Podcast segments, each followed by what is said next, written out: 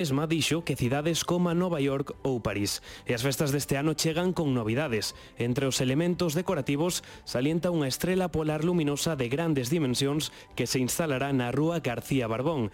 Vigo tamén contará coa montaña rusa portátil máis grande de España. Ten 42 metros de longo e xa se pode ver na rúa Real. E despois das noticias, volven a crónica a cultura científica dos mércores con efervesciencia. Manuel Vicente, boas noites. Cada vez é máis común escoitar noticias de novos virus. Esta noite saberemos no efervesciencia se nos temos que preocupar, non? Moi boas noites, Oselis. O dos virus emerxentes é un tema no que os gobernos ben farían en poñer recursos para estaren moi atentos. Se non os investigamos, Viviremos felices, felices na ignorancia, ata que levemos un novo susto. Por iso, é importante falar de virus, de virus como da febre hemorráxica do Congo ou o West Nile virus, que xa temos aquí, petando na porta. Escoitade.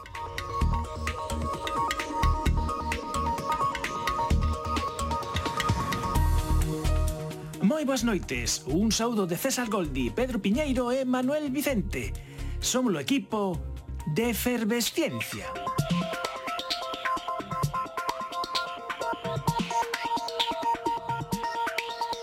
A vida está chea de sorpresas e protozoos do paludismo.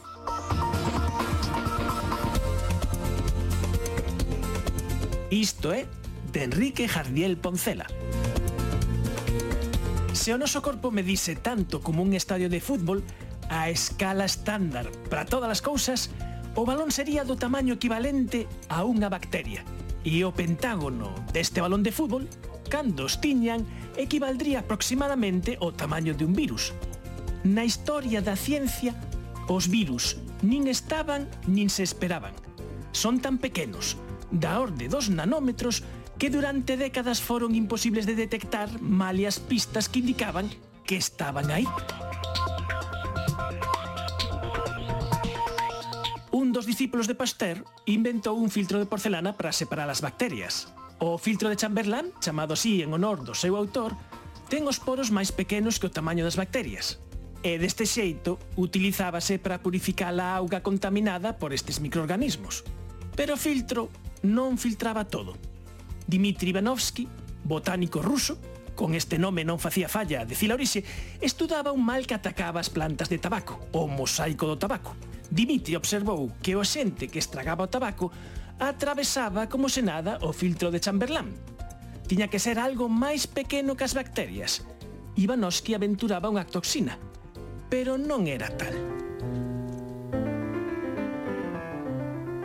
Finalmente aparece en escena o microbiólogo holandés Martinus Beyering. En 1899, o neerlandés atopa que o mal do mosaico do tabaco transmítese de planta a planta e que se autorreplica en presenza de células vivas. Viña de descubrir o primeiro virus da historia, o virus do mosaico do tabaco.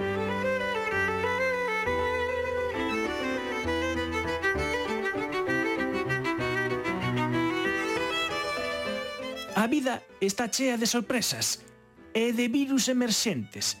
Ben o soubemos na epidemia do SARS-CoV-2, pero hai outros moitos virus que empezan a asomar a patiña por debaixo da porta. O virus de West Nile, a febre hemorráxica do Congo, o Zika, o ébola, xa están aquí. Esta noite falaremos con científicos sentinelas que monitorizan estes virus cos que non nos queda outra que convivir. Benvidos á efervesciencia. Hai outros mundos, pero están neste.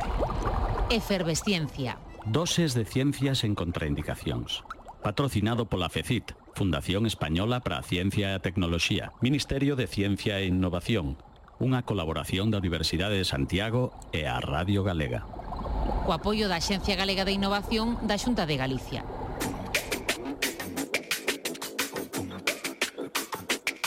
Para poder conversar cos mellores especialistas mundiais en viroloxía, Achegámonos con nosos micrófonos á Facultade de Bioloxía da Universidade de Santiago, onde se celebrou o curso Virus Emerxentes, organizado pola investigadora do CIMUS, Carmen Rivas. A primeira investigadora en atendernos é Maripaz Sánchez Seco, Moi boas noites. Boas noites. Maripaz, ela traballa no Instituto de Saúde Carlos III eh, traballas eh, esteches a falar da febre hemorráxica Crimea-Congo eh, que, que esta febre hemorráxica. Bueno, la fiebre hemorrágica es una manifestación clínica que cursa con que, que se produce con fiebre y manifestaciones hemorrágicas y en este caso producidas por la infección eh, por un virus, en concreto por un virus que se, de, se denomina el virus de la fiebre hemorrágica de Crimea-Congo. E este, eh, na, o título da túa charla decía 10 anos con esta febre hemorrágica, quere decir que eh, evidentemente é algo que en España ata hai unha década non tiñamos. Sí, en realidad eh, el título debería haber sido de más de 10 años, pero llevamos 10 años con casos eh, humanos porque el primero que se describió fue en 2013. Entonces, hace ahora justo 10 años, se cumplen 10 años pero el virus parece que ha estado con nosotros eh, desde antes de que nosotros eh, detectáramos los casos eh, humanos. Este quizáis é un exemplo de cousas que pasan moito en ciencia que eh, as cousas que non se ven, que non se miden, que non se detectan, que non se buscan, non existen. Eh, que algo non, non haxa non quer dicir que, que, que non estea, senón que o mellor que non se buscou. Vamos, completamente de acuerdo, completamente de acuerdo. Eh, de hecho, eh, los primeros casos que se describieron se produjeron porque, eh, bueno, se, se, eh, un paciente se infectó, le picó una garrapata, se infectó, fue al hospital y murió.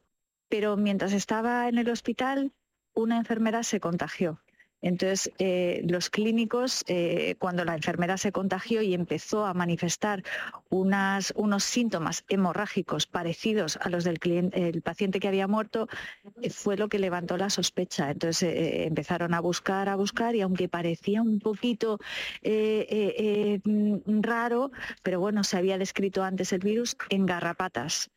Eh, entonces, bueno, ataron cabos y al final pues se, diagnosticó. Pero a lo mejor si no se hubiese producido el, caso de la enfermera asociado a la muerte de esa persona, se habría quedado como una muerte más y no se habría sabido, porque a la larga lo habríamos visto porque el virus está ahí y lo habríamos visto. Pero, pero bueno, curiosamente se produjo, como te digo, o sea, porque hubo un paciente que murió y alguien que empezó, eh, que, que, que, estuvo manipulando a esta, a esta persona y, y empezó con la misma sintomatología. Y estamos hablando de una enfermedad que en un caso una serie de casos importantes, de porcentaje importante, puede ser mortal. Sí, Dependiendo de, dependiendo de dónde se, dé el brote, porque esto es como todo, o sea, el virus de la fiebre hemorrágica de Crimea-Congo eh, circula en, en, África, Asia y en algunas zonas de la zona del, del este de Europa. Entonces, eh, dependiendo de, de, de, cómo se trate a los pacientes, igual que pasó con el ébola, pues la mortalidad puede, eh, puede variar. Aún así, en, nuestro país eh, la mortalidad, los casos mortales que ha habido están en, un, en torno a un 30% y es muy importante eh, el, el, diagnóstico precoz para intentar tratar al paciente eh, lo antes posible. Entonces, en, en algunos de los casos que ha habido, pues por ejemplo, el primero murió porque el pobre hombre, bueno, murió porque es un virus mortal, pero además es que nadie sospechó que podía tener lo que tenía. Entonces hay un hay una droga, ribavirina, que se puede administrar en, en los inicios de la, de la, enfermedad, que bueno, es un poco controvertida, pero parece que es eficaz. Entonces, bueno, pues al menos intentarlo, pero, pero si no lo sospechas pronto eh, y no sabes lo suficientemente pronto que tiene Crimea-Congo, pues cuando le quieres administrar la droga es demasiado tarde. eh, eh, falas de que aquí eh, é fundamental o papel das, gar das garrapatas. Sí, eh, las garrapatas eh, son, son el mecanismo fundamental de transmisión de, este virus, la picadura de una, de una garrapata infectada. Pero no todas, no todas, porque garrapatas hay muchas y este virus se asocia sobre todo a unas garrapatas que, que, son del género Yaloma. Y en concreto, bueno, en España hay dos especies importantes en relación a Crimea-Congo que son Yaloma lusitanicum y el Yaloma marginatum. O sea, si te pica ixodes o te pican otro tipo de garrapatas, no hay problema. Si es dialoma, bueno, pues lo que, lo que hay que hacer es, eh, eh, si puedes, eh, tener la garrapata, conservarla, porque eso, bueno, pues la puedes llevar a, algún sitio y te pueden decir si es dialoma o si no, o sea, conservar la garrapata si se puede, no quitársela de cualquier manera. Hay, guías que, enseñan a cómo quitarse una garrapata para que no se quede ninguna pata, el, aparato bucal, eh, para quitarla bien. Em, conservar la garrapata y observarte. Entonces, eh, si, después de la picadura de garrapata eh, aparece fiebre, pues corriendo al médico de cabecera, urgencias a un hospital, si tienes tu garrapata te la llevas y, que te diagnostiquen. Ese é o protocolo. Eh, para facer e, eh, vos o que queredes eh, estudiar, pois pues bueno, eh, como como destendida está este virus, eh, se este virus eh, está moi amplamente extendido, eh, porque si sabemos eh, que eh, as garrapatas portan o virus, pero hai que saber tamén que animais portan as garrapatas. Sí, eh, y bueno, los estudios que se han hecho en estos 10 años, que bueno, se ha avanzado bastante en el conocimiento en el, país de, cómo está extendido el virus, y se han hecho estudios tanto de, buscar garrapatas por una gran extensión del país, buscando el virus, y también buscar en los diferentes animales si eh, han sido picados, eh, no picados por garrapatas, sino si han sido infectados eh, al ser picados por, garrapatas. Y los estudios que se han hecho muestran que el virus está ampliamente distribuido y que la población de animales infectados por estas garrapatas es, es grande y está ampliamente distribuida. Eh, pero eh, los animales infectados, eh, lo que se llama la viremia, la cantidad de virus en sangre, en, animales dura muy poquito. Entonces no se considera el animal como un foco de infección para el humano importante, a no ser que seas matarife, o sea, poblaciones de riesgo que son los ganaderos, matarifes, cazadores, gente que puede manipular animales, desollarlos y, y manipular estar muy en contacto con fluidos de animales que podría pasar que estuvieran infectados y así se podrían contagiar. Pero para el público general los animales no son una fuente de, de infección. Y en todo caso, de, de qué animales estamos a hablar?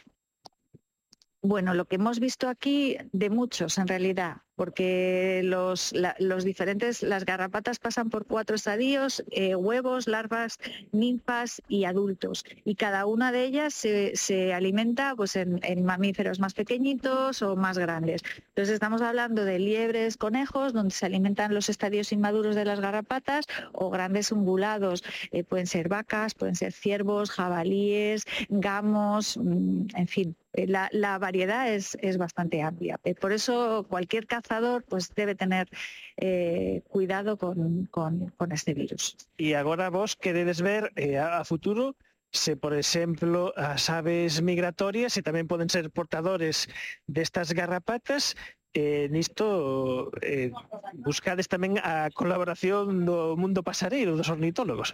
Sí, eh, tenemos un proyecto financiado que en el que uno de nuestros objetivos es buscar en garrapatas, eh, sobre todo en, en, aves migratorias. Eh, y bueno, pues eh, tenemos la colaboración de muchísimos ornitólogos y anilladores, sobre todo a través de, la conexión con, el Parque Nacional de Doñana, con el cual colaboramos y es un colaborador habitual nuestro.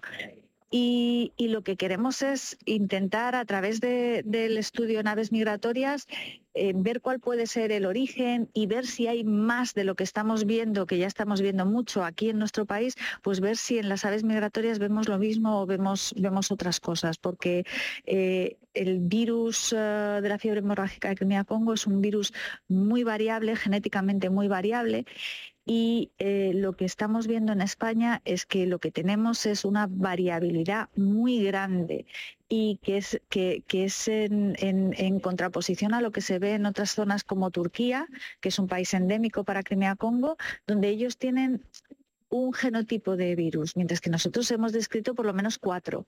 Entonces, bueno, pues tam también el estudio a través de aves migratorias queremos ver si hay, si hay más, e intentar entender de dónde pueden venir, bueno, intentar eh, mm, ir hilando un poquito más. ¿Qué podemos esperar cada futuro? Eh, eh, como, claro, isto sempre é unha pregunta difícil, non? Pero eh, me imagino que eh, o cambio climático, toda a mudanza que está eh, existindo pois, na distribución da, das especies, eh, é un factor que seguro que ten moito que ver con que eh, esta doenza que ata hai máis dunha década non tiñamos constancia de ter en España, que, que podamos tener, ter ma, maior expansión. Digamos que o que se albisca o futuro hai por aí vai que, que pode ser eh, algo que vaya aumentando? Bueno, yo creo que sí, que tendremos más casos de, enfermedad por este virus eh, y por dos cuestiones. Una, por, un poco por lo que decías tú, por el cambio climático, la, la expansión de, las garrapatas. Es un, es un virus complejo. El, ciclo biológico es complejo porque tiene garrapatas, eh, animales a los que las garrapatas pican y hay transmisión dentro de los diferentes estadios de las garrapatas, lo que se llama transmisión vertical. Erradicar esto siempre con con estos virus que se llaman zoonóticos eh, siempre es complicado. Entonces, más que pensar en que lo podemos erradicar, yo creo que tenemos que pensar que tenemos que convivir con él, que tiene un ciclo natural complejo y que las garrapatas mmm, se están expandiendo y que hay un cambio climático que hace que las condiciones ecológicas varíen y las garrapatas lleguen a zonas donde antes no estaban. Eh, también nosotros eh, tenemos ahora pues eh, salimos a la naturaleza, eh, tenemos más contacto, queremos tener más contacto con el medio ambiente. Si no tomamos las precauciones necesarias, pues nos pueden picar. Eh, y esto va a pasar en nuestro país y va a pasar en Europa porque cada vez se están extendiendo a zonas eh, que antes eran más frías, pues por el cambio climático, se hacen más propicias a albergar eh, a, los, a las garrapatas pero también eh, ahora tenemos más métodos diagnósticos. Eh, de aquí a unos años habrá muchos más eh, centros que sean capaces de realizar este diagnóstico y la sospecha clínica, que es algo muy importante, está aumentando. Cada vez se conoce más el, el, el, virus, entonces cuando a estas zonas que saben que tienen, tienen posibilidad de tener casos de Crimea-Congo fuera, pues cuando tienen un paciente que tiene una caída grande de las, de las plaquetas, que empieza con fiebre y que encima tiene una picadura garrapata, pues ahora ya sospechan que eso puede ser Crimea-Congo, mientras que antes como no se sabía, pues, pues pues bueno, pues no se sabía y no, no se hacía nada. Entonces, entre unas cosas y otras, lo esperable es que haya máis casos de, de infección por primera Congo. E a pregunta que o mellor se fai moita xente, ti cando vas ao campo levas sempre pantalón longo? Pues sí, o sea, lo ideal es que sí. Y si no, al menos lo que, lo que siempre recomiendan es llevar botas, calcetines, eh, si es posible, pantalón largo e incluso, dependiendo de dónde vayas, por debajo del calcetín eh, ir cubierto, no tirarte en cuando veas un pasto eh, donde hay animales, ay, qué bonito, qué bucólico, pues aquí me tiro yo al suelo con mi pantalón corto, mi, mi, manga corta y a, a, a retozar en el, en el suelo. Entonces, eso se debe evitar. Y si se sale al campo, después de la salida al campo hay que revisarse muy bien por si hubiera una garrapata eh, que te está picando, porque cuanto antes la quites, menos, menos posibilidades le estás dando al virus de que entre en tu, en tu organismo si es que tienes la mala suerte de que te haya picado una garrapata infectada.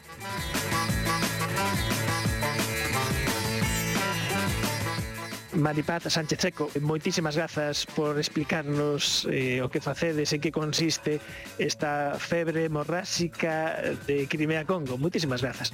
Gracias, gracias a vosotros.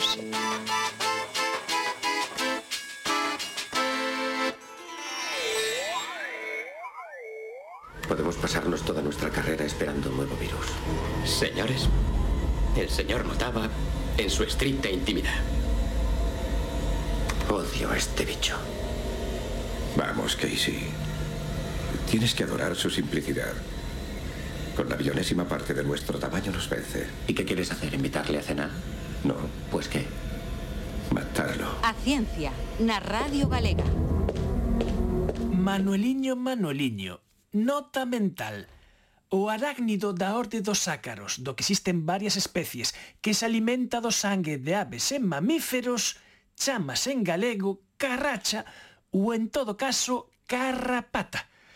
Queda feito este apunte para que non me tire das orellas ou polo menos non moito, a nosa compañeira María Xesús Vázquez de asesoramento lingüístico. Carracha, carracha, carracha... Bueno, eu sigo coa carracha e continuamos coa visita que fixemos ao curso de virus emerxentes. Música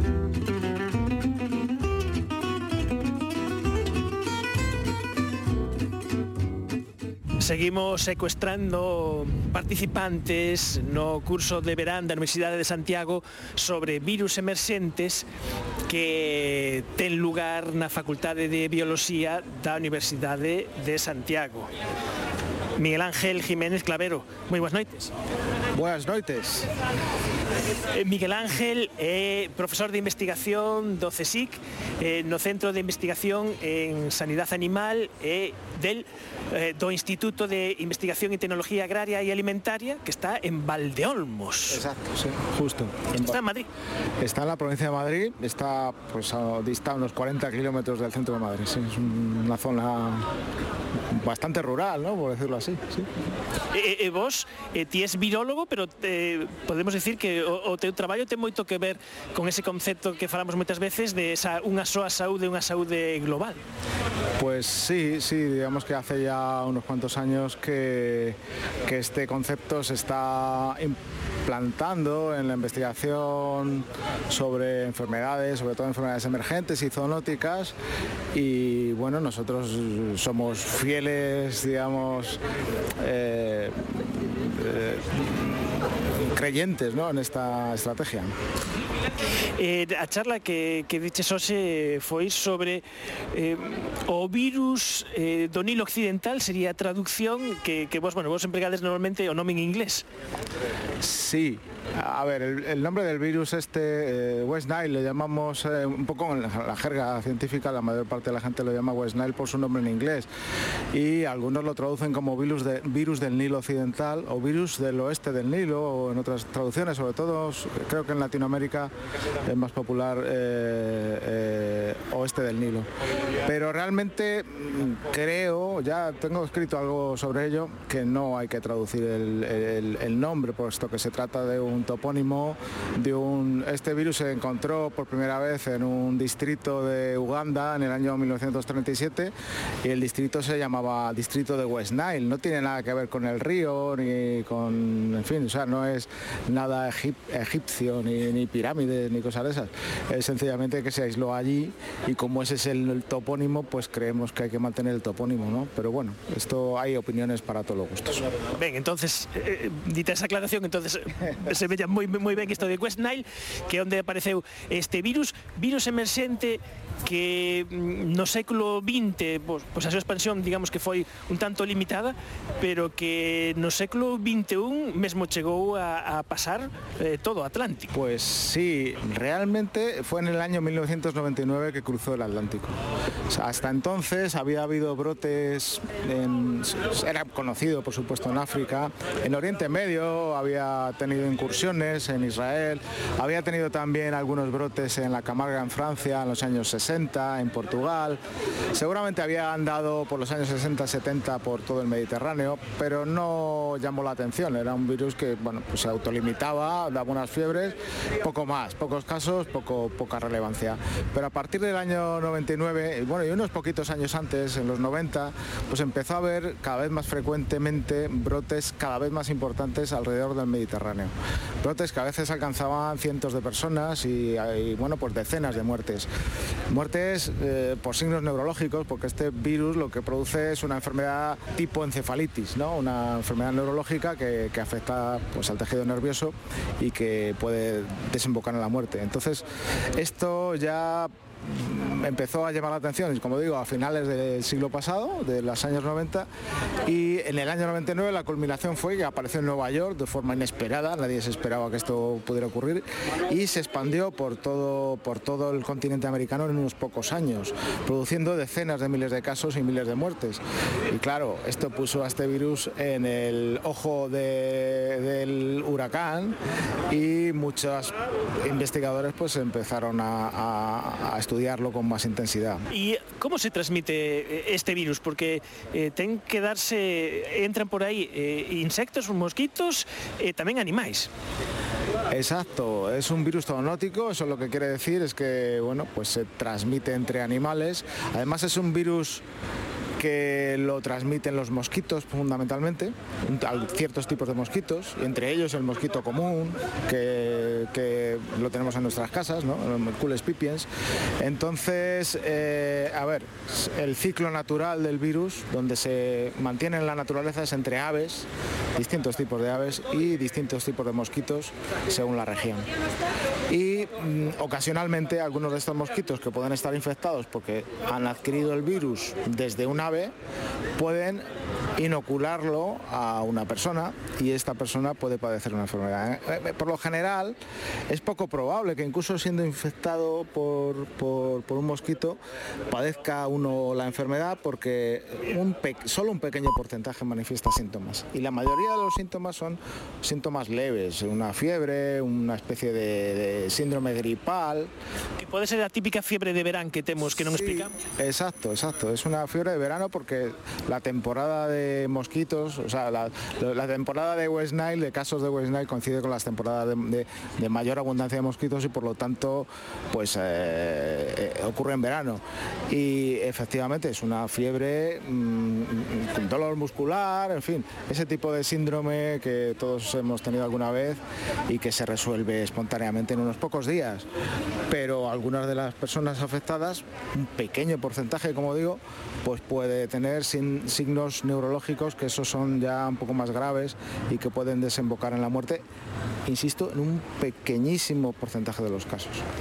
E a propagación eh, eh, por, por, por gromos eh, que ti comparas como, como, fos, como se fosen eh, lumes dun incendio que unhas temporadas eh, poden ser máis agresivos ou menos e eh, que non é moi previsible pois onde poden aparecer e quizáis en España o máis significativo foi no ano 2020 eh, en plena pandemia eh, en Sevilla.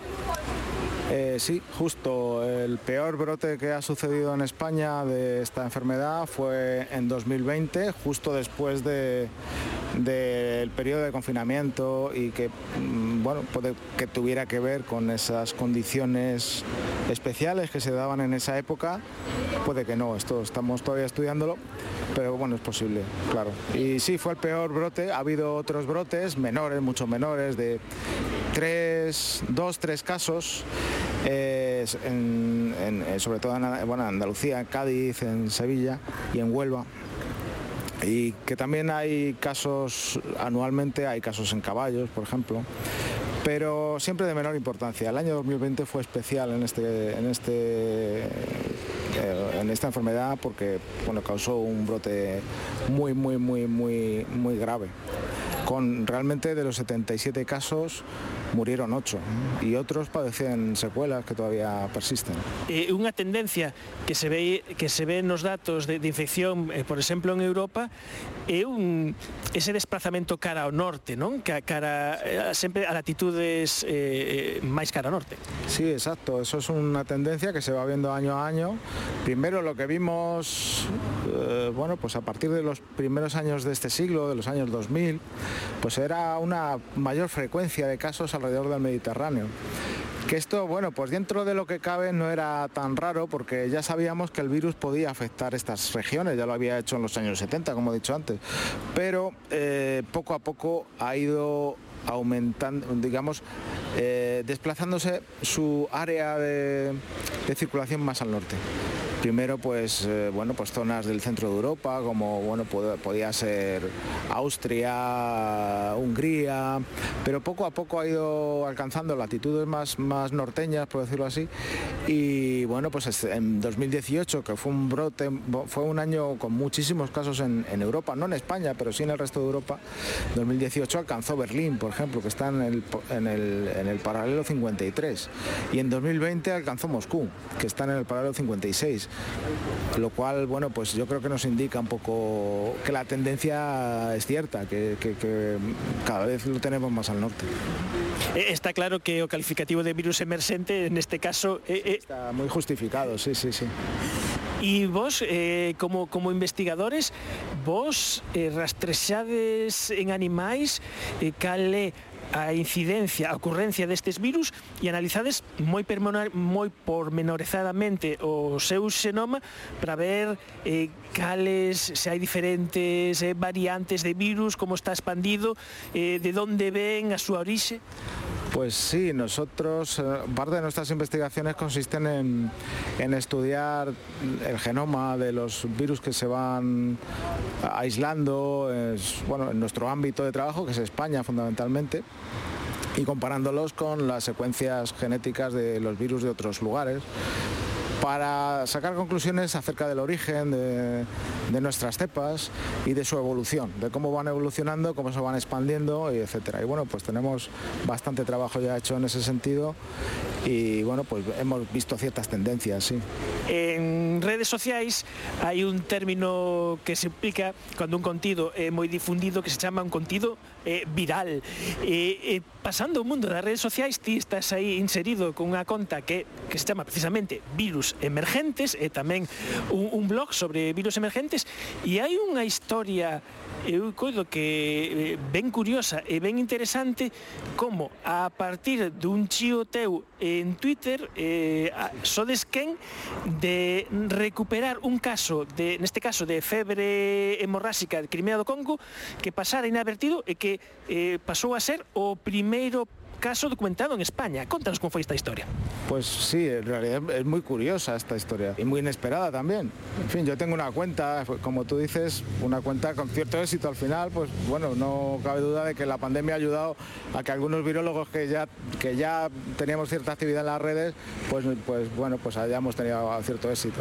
En el año 2021, pues eh, se estaba produciendo, no, perdón, fue en 2020, en 2020, sí, se estaba produciendo una pues eso, un, brote muy importante de West Nile, era algo bueno que se comentaba en las redes y yo comentaba en mi cuenta. Eh, también había habido un caso de Crimea Congo que también empecé a comentar en agosto de 2020 y a raíz de aquello pues alguien se puso en contacto conmigo diciéndome que tenía, tenía los síntomas de haber tenido Crimea Congo, que esta persona estaba convencida de que había tenido Crimea Congo y bueno, estuvo bastante grave en un hospital, en una zona, bueno, y la forma de adquirirlo, todo, digamos, era muy sugerente de que efectivamente estábamos delante de un caso de Crimea Congo, pero lo curioso del tema era que, bueno, el primer caso de Crimea Congo en España se, detectó en 2016 y esta persona pues refería a haberse infectado en 2013 y, estuvo eh, tratándose en, un hospital en Salamanca, el Hospital Clínico Universitario de Salamanca, un equipo médico que afortunadamente pues la salvó la vida eh, porque esta enfermedad tiene una letalidad muy alta y, ella estuvo muy grave. Y esta persona, pues, eh, bueno, le tengo que agradecer que nos permitiera pues detectar el primer caso de Crimea Congo en España. Nos pusimos en contacto con el equipo médico que la, que la atendió, con el Carlos III, que fue donde se estudiaron algunas de las muestras que luego retrospectivamente vimos. Nadie sospechó en aquella época que, esto fuera Crimea Congo, creían que era otra enfermedad, aunque las garrapatas, como fue picada por una garrapata, que es la que transmite esta enfermedad, pues sí que se sospechaba que pudiera ser alguna otra enfermedad transmitida por garrapatas, pero lo digo negativo en toda, toda la batería que se ensayó en el laboratorio. Y bueno, pues al final recuperamos muestras de esta paciente y nos, nos dio la sorpresa de que efectivamente tenía anticuerpos frente a Crimea Congo. No solo tenía anticuerpos, es que hubo una, una, muestra recogida en 2013 que se pudo identificar el virus de Crimea Congo por medio de PCR y secuenciación, o sea que, que sí, sí, eh, fue así, así. Pois eh, Miguel Ángel Jiménez Clavero, moitísimas grazas por contarnos pois todas estas cousas sobre o West Line, eh, West Nile. Sí. E, e tamén eh, sobre como as redes sociais eh, poden axudar pois a detectar casos e eh, quen queira seguirte ainda non o faga, pois que saiba que en Twitter es eh, virus emergentes. Eh, moitísimas grazas por atendernos. Gracias a vosotros. Muchas gracias. Moitas gracias. Necesito con urgencia transfusión de E facemos unha pequena paréntese no curso de virus emerxentes para falar de xeoloxía. Estes meses tivemos facendo prácticas en efervesciencia o casi xa xeólogo Pedro Piñeiro, que nos deixou como despedida esta peza.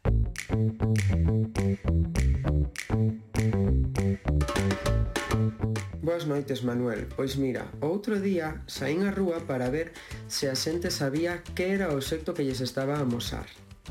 Para que os ointes vos fagades unha idea, era unha bola do tamaño dunha bola de billar, bastante compacta, grisácea, con forma un pouco de corazón, de textura bastante rugosa e cunhas formas como debuxadas. Sabedes que é isto? Unha piedra de... Fósil ou algo? Non, unha pedra en forma de... Es una piedra, ¿no? Sí.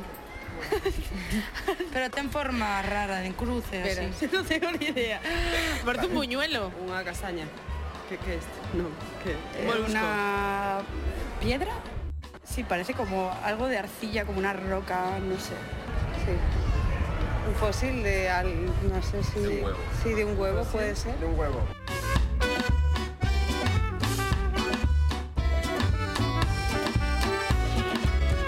Pois sí, houve que o adiviñou.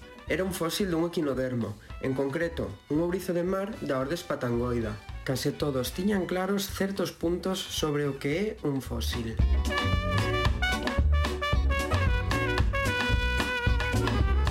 Es Fósiles, los restos de los huesos de un dinosaurio. Y que han pasado miles de años debajo tierra que... Se han hecho rocas. Restos de animal ou cous, sí, máis, sí, de ser vivo, de que leva un montón de tempo baixo terra ou así, máis ou menos, que ten un montón de anos. O sea, yo pienso en fósil y me viene pues los fósiles en plan de dinosaurios y todo eso, en plan los huesos.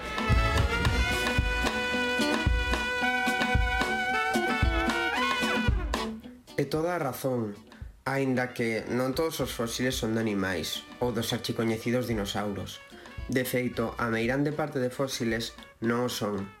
Hai fósiles de todo tipo de organismos, por exemplo, de plantas ou de bacterias, como os estromatolitos, os fósiles máis antigos encontrados no planeta Terra, duns 3.700 millóns de anos. Ademais, non todos os restos de organismos petrifican para formar un fósil.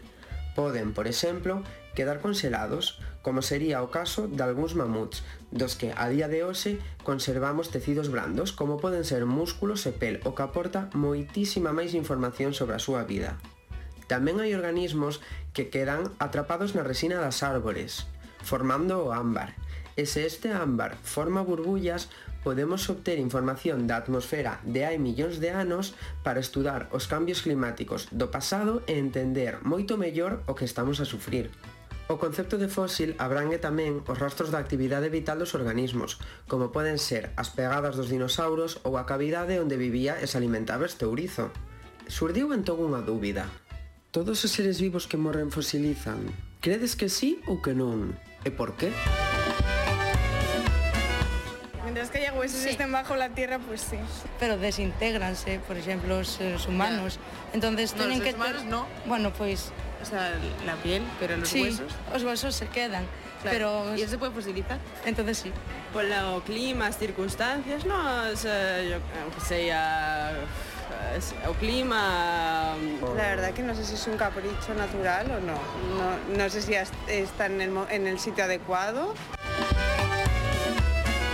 Ben, pois, non ían moi desencamiñados De feito, hai tres factores claves. En primeiro lugar, a presenza de esqueleto. Adoitamos atopar fosilizadas as partes duras dos organismos, como son os osos ou as cunchas, como sería a cuncha deste quinodermo. Por outra banda, as partes brandas, como serían órganos, músculos, pel, normalmente podrecen e non se conservan. É importante tamén o medio de vida, xa que, por exemplo, contamos con moitos fósiles de organismos que viviron en medio mariño profundo. Tamén é importante canto tardan en enterrarse, xa que canto antes queden enterrados tras a súa morte e protexidos polos sedimentos, máis doado será que fosilicen.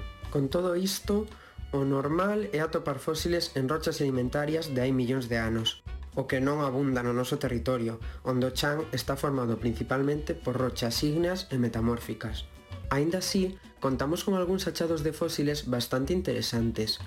Por exemplo, O mamut atopado nas calizas de Lugo que tiña menos de 3 millóns de anos. Por outra banda, no Courel atopáronse restos de fauna mariña precámbrica, duns 650 millóns de anos. Tamén no Courel atoparon restos dos primeiros galegos, duns 7.000 anos.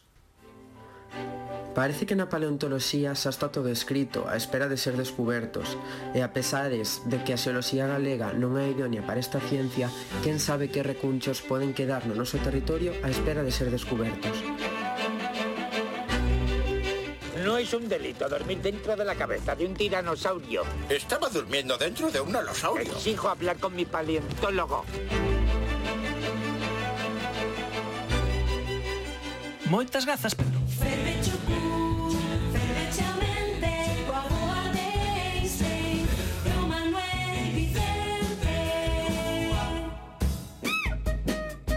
E logo dos fósiles retomámolos virus emerxentes. Pois estamos unha vez máis nas portas da Facultade de Biología, Facultade de Matemáticas. Estamos cómodamente sentados nun banco para falar cos nosos seguintes eh, convidados eh, que ademais os dous que temos veñen eh, de Nova York, os dous no mesmo sitio. Ana Fernández Sesma, moi boas noites. Buenas noches. Adolfo García Sastre, moi boas noites. Buenas noches. Pois Ana Fernández Esma é catedrática de microbioloxía, enfermedades infecciosas da Facultade de Medicina do Monte Sinai de Nova York e Adolfo García Sastre traballa é director do Instituto de Saúde Global e Patóxenos Emerxentes tamén aí no Hospital eh, Monte Sinaí. Unha das primeiras eh, liñas de defensa que temos é a amígdala, eh, esa cousa que da que eu non sei moito que sei que eh, había un, un, unha época onde era bastante común que os nenos eh, se lle quitasen eh, eh, bueno, a, a primeiro problema eh, Ana, ti últimamente tes traballado con, con, cosas amígdalas Sí, o sea, nosotros hemos empezado a trabajar con amígdalas porque realmente es un producto que se desecha en los hospitales cuando se quita. Antes se le quitaba mucho a los niños, como has mencionado, por, porque tenían infección crónica. Ahora ya los pediatras no tienen tanta tendencia a, a quitar las amígdalas, pero hay mucha gente que tiene apnea del sueño y otros, y otros problemas y se las quitan incluso de Entonces, para mi grupo, que trabajamos en sistemas primarios con virus en los que no, hay modelo animal que sea su- suficientemente representativo de la enfermedad, eh, el usar las amígdalas realmente es como una ventanita a tu sistema inmune, porque es un, nódulo linfático realmente, pero no necesitas como quitar un nódulo linfático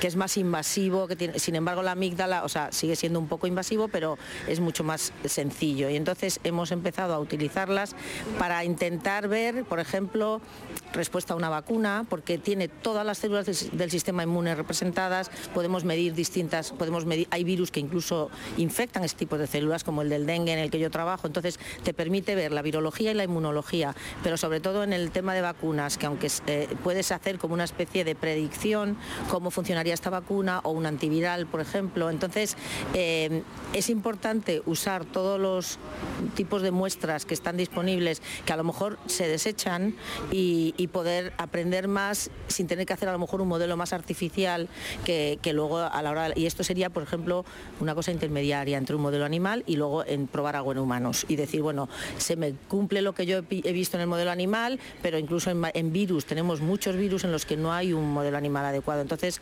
estamos empujando ese tipo de modelos que son, como si dijéramos, sin manipular y que, y que además te permite, si usas suficientes donantes, ver un poco la variabilidad entre la población, que también es importante porque en un modelo animal son todos iguales, tienes una identidad genética y no te permite ver cómo podría suceder en alguien que tenga otro tipo de enfermedad de base. Entonces, eh, me parece como más, más real, ¿no? que representa más lo que podríamos ver en la población. Y es interesante, es muy trabajoso, pero la verdad que estamos muy contentos de poderlo usar para distintas cosas, incluidas vacunas. Eh, cultivades estas células da amígdala eh, eh, podedes ver eso, que células se activan y dónde se activan. Claro, y además no son células, o sea, de, de hecho usamos el tejido, los cortamos en, en, pequeños, llamamos explantes, y los dejas en un medio, puedes, puedes mm, usar distintas técnicas visuales, pues por ejemplo, de ver qué células están infectadas, qué células han absorbido la vacuna, o también ver eh, qué se secreta, si están secretando citoquinas, que son los elementos del sistema inmune que alertan y que producen inflamación. Entonces, te permite hacer muchas cosas con el tejido y con el sobrenadante para, para incluso serología, un poquito de ver la producción de anticuerpo. Entonces, es, para nosotros es súper interesante, sobre todo, sobre todo la gente que le gusta la inmunología, porque tienes un mini sistema inmune donde puedes ver realmente muchos de los parámetros que se están midiendo en suero o en, en, en pacientes, ¿no? y entonces ver un poquito, eh, tener la oportunidad de hacerlo con virus que a lo mejor no se puede trabajar en, en otros modelos. Unha das túas especialidades é eh, traballar en dengue, unha doenza tropical que aquí non nos soa moito, pero é destas como doenzas esquecidas, ¿no? Bueno, ahora mismo todo el concepto de una salud, de One Health, eh, lo que se está pretendiendo ahora en el mundo de las enfermedades infecciosas es un poco alertar que con el calentamiento global, con el cambio climático, lo, el área de mosquitos, las enfermedades transmitidas por mosquitos tropicales ya se está extendiendo. Entonces ahora mismo tenemos muchos mosquitos que transmiten dengue, eh, fiebre amarilla, malaria en zonas donde no existía. Entonces, en cu cuanto más se viaje, se traiga, venga gente infectada, puede haber más posibilidad de transmisión. Entonces hay que, hay que un poco empezar a darse cuenta de que, de que todo está relacionado en nuestro planeta y que vamos a expandir esas áreas y este tipo de virus como el dengue, como la, el Zika ya no sucedió y en cuanto estén los mosquitos y el área de mosquitos se expanda, va a haber más posibilidades de que puedan producir epidemias o que puedan tener casos anuales. Entonces hay que estar un poquito alerta y un poquito y entender la, enfermedad, cómo tratarla y, y, bueno, pues son un poco las enfermedades olvidadas, ¿no? porque afectan el, el mundo menos desarrollado y entonces no tienen vacunas, no tienen medios, no tienen ni siquiera sistemas sanitarios que puedan aguantar, porque son áreas muy deprimidas económicamente. Entonces, para mí es importante también ver que estas enfermedades están causando muchísimos casos en el mundo, pero no nos enteramos porque no es el mundo civilizado, como si dijéramos. ¿no? Entonces, esto, esto es importante, empezar a educar ahora mismo sobre ese tipo de enfermedades que van a llegar y, no luego echarse las manos a la cabeza en el momento que empezamos a tener casos eh, que vamos a hacer ahora, no sabemos nada de este virus. ¿no? Entonces, bueno, pues para mí es importante trabajar en este tipo de virus donde hay menos, a lo mejor, esfuerzo, ¿no? tanto económico como de personal y de, y de dedicarse un poco a estudiar el virus en sí. Eh, os virus eh, son o enemigo, pero os virus poden ser o enemigo poden ser o aliado. E estaba pensando, por exemplo, de investigacións, Adolfo, que tedes de, eh, de utilizar virus para loitar contra o cancro. Sí, sí, también hacemos eso, ¿no? En, investigación médica nos, centramos fundamentalmente en los virus que causan problemas, porque claro, son los problemas que hay que arreglar. Pero nosotros estamos conviviendo con virus todo el rato y muchos de esos virus son simbiotes con nosotros, nos dejan incluso genes que son parte de nuestro genoma y que nos ha ayudado a evolucionar como somos. los virus del mar son los que están manteniendo un nivel de algas lo suficientemente pequeño para que no el mar no se sature con sature con algas, porque si no hubiera virus en el mar se llenaría todo el mar de algas y no podría captar el sol bien, se morirían los peces, es decir, contribuyen al, al, ecosistema. Y luego también los virus nos enseñan mucho de nosotros, porque son elementos genéticos muy pequeños que entran dentro de nuestra célula, que es un elemento genético muy grande. Llegan virus con 10 genes, entran en nuestras células que tienen 30.000 genes, y es como si piensas a alguien que entra en una factoría muy grande y encuentra los sistemas de control y los manipula de tal modo que cambia la factoría que estaba haciendo antes periódicos para hacer copias de sí mismos. ¿no? Y eso es que nos enseña mucho cómo, nos, cómo se puede manipular nuestra propia información. Eh, y eso es lo que nos ayuda para poder usar virus como agentes vacunales. Las vacunas de adenovirus están basadas en virus. Han, sido, han tenido mucho éxito, han sido AstraZeneca se ha usado, Johnson Johnson, la, vacuna, la vacuna rusa, y eso está sabiendo cómo los virus son capaces de transmitir un material genético, le quitas la parte de virulencia, le, das la- le dejas la parte de antigenicidad y tienes una vacuna. Y lo mismo ocurre con células de cáncer. Se puede, sabiendo qué es lo que hace un virus a una célula, se puede hacer un virus más específico para dar lugar a una respuesta inmune contra el cáncer cuando se administra a una persona con cáncer. Y de hecho existen virus que se están usando ahora mismo para tratamiento del cáncer. Ah, nosotros también trabajamos en, en otro virus distinto de los que están ahora mismo aprobados, pero yo creo que en el futuro veremos más de este tipo de tratamientos porque aprendemos mucho de, cómo podemos cambiar las cosas que son perjudiciales para nosotros mediante el uso de técnicas que los virus han aprendido, le quitamos la parte de enfermedad, cogemos lo que ha aprendido para hacer un efecto beneficioso en nosotros. Pois agora vos vou poñer unha mensaxe dun colaborador do programa que vos manda un saúdo. Eh, Adolfo, sabemos que, que estarás en Santiago eh, a ver si nos contas a tu experiencia en Congo. Esta mensaxe do noso virólogo de cabeceira César Muñoz Fontela que estivo con Bosco no Congo. Like a virus needs a body as soft Todo esto que llevo puesto es del Congo. Hemos visto, pues eso, como de vibrante es la sociedad congolesa. Hemos ido por la noche, era muy segura y con César lo hemos pasado genial. Pero sobre todo, una de las cosas más bonitas ha sido que era un curso también para estudiantes de allí. Y entonces los chicos eran súper curiosos. Todos tenían preguntas y preguntas y preguntas. Y luego veías ese agradecimiento, ¿no? De que iban a usar y se quedaban sorprendidos de cosas que no sabían de su propio país, que les enseñabas de enfermedades infecciosas, ¿no? Y entonces les dijimos, sois el futuro de la ciencia en- en- y, de- vais a estar en posiciones de, tomar decisiones, pues, pues todo, y se veía que estaban aprendiendo todo como absorbiendo y diciendo vamos a usar toda esta información, porque en el fondo ellos se dan cuenta que, que, o sea, no, no quieren que venga una persona de fuera y les diga lo que tienen que hacer. Entonces son congoleses, ellos ya tienen su formación y es lo importante, educar y la labor que está haciendo César es impresionante porque es educar, no llegar y decirles cómo hacer las cosas, llevarte las muestras, sino tienes que, que- que- formar, hacer una infraestructura para que ellos, que además entienden la cultura, entienden cómo la gente, por ejemplo, el estigma de ciertas infecciones como el SIDA, ¿no? Cómo tienes que hablar con la población, cómo tienes que, porque, y, porque se cometen muchos errores por falta de conocimiento. Y la verdad es que ha sido muy enriquecedor ir con César y ver esa labor que hacen allí, aparte de ver el entusiasmo que tenían los chicos por aprender, o sea, de verdad que nos ha dejado muy, muy, muy contentos el haberlo hecho. Que cambio de dar clase no, no Montesinaí, está ahí en, en Brazzaville ahí dando clases tamén. Y luego en Santiago. Luego en Santiago. eh, eh, eh, todo, tedes unha xira por tres continentes. sí, es verdad. Voy a Alemania, o sea, que a otro curso, o sea, que estamos por todos los sitios. Sí. Que fixeches no Congo que non debías de ter feito? El eh, pelearme con mi mujer, claro, sí, siempre, eso siempre es una cosa que- que- que Pero algo específico do Congo. El primer día que llegamos teníamos la noche libre, entonces buscamos un sitio para cenar. Y busqué en Google y encontré un sitio que estaba recomendado, se llama Mamago, y ponía, "Hay- pero hay que hacer reserva con antelación de, bueno, voy a llamar a ver si podemos hacer, y llamo, y un- eh, hablas en francés, ¿no?, para hacer reserva, y, y me contesta una señora, y, y- y digo, qué raro, que es- esa señora no parece, no parece de, que sea de un restaurante, y cuando le digo, me llamo Adolfo y tal, se, echa a reír, y, digo, bueno, pues, entonces vamos tres para cenar esta noche, dentro de dos horas, y dice, sí, sí, Ah, bueno, de acuerdo, vamos ahí.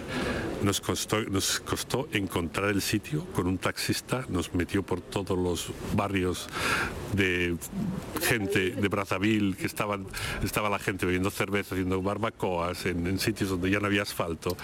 Ah, y al final encontramos el sitio, no tenía ningún cosa de restaurante y salió una señora mayor a recibirnos. Y es que, claro, había que llamar por anticipación porque ella tenía que comprar comida para luego hacerla, luego hacerla. Y nos dio una comida realmente es- espectacular. Era el patio de la casa de la señora. Sí. Y, y lo primero que nos sirve es eh, una ensalada de maringa.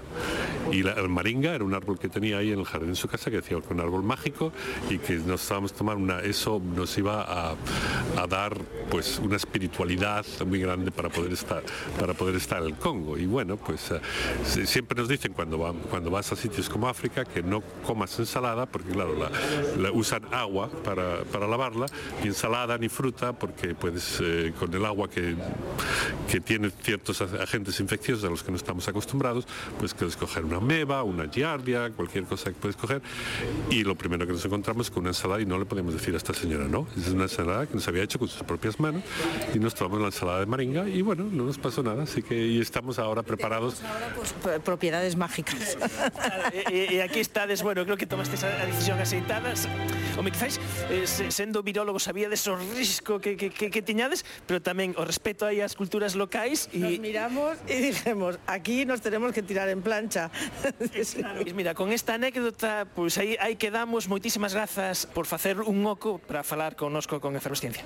Gracias a ti. Muchas gracias por estar aquí oyéndonos a nosotros.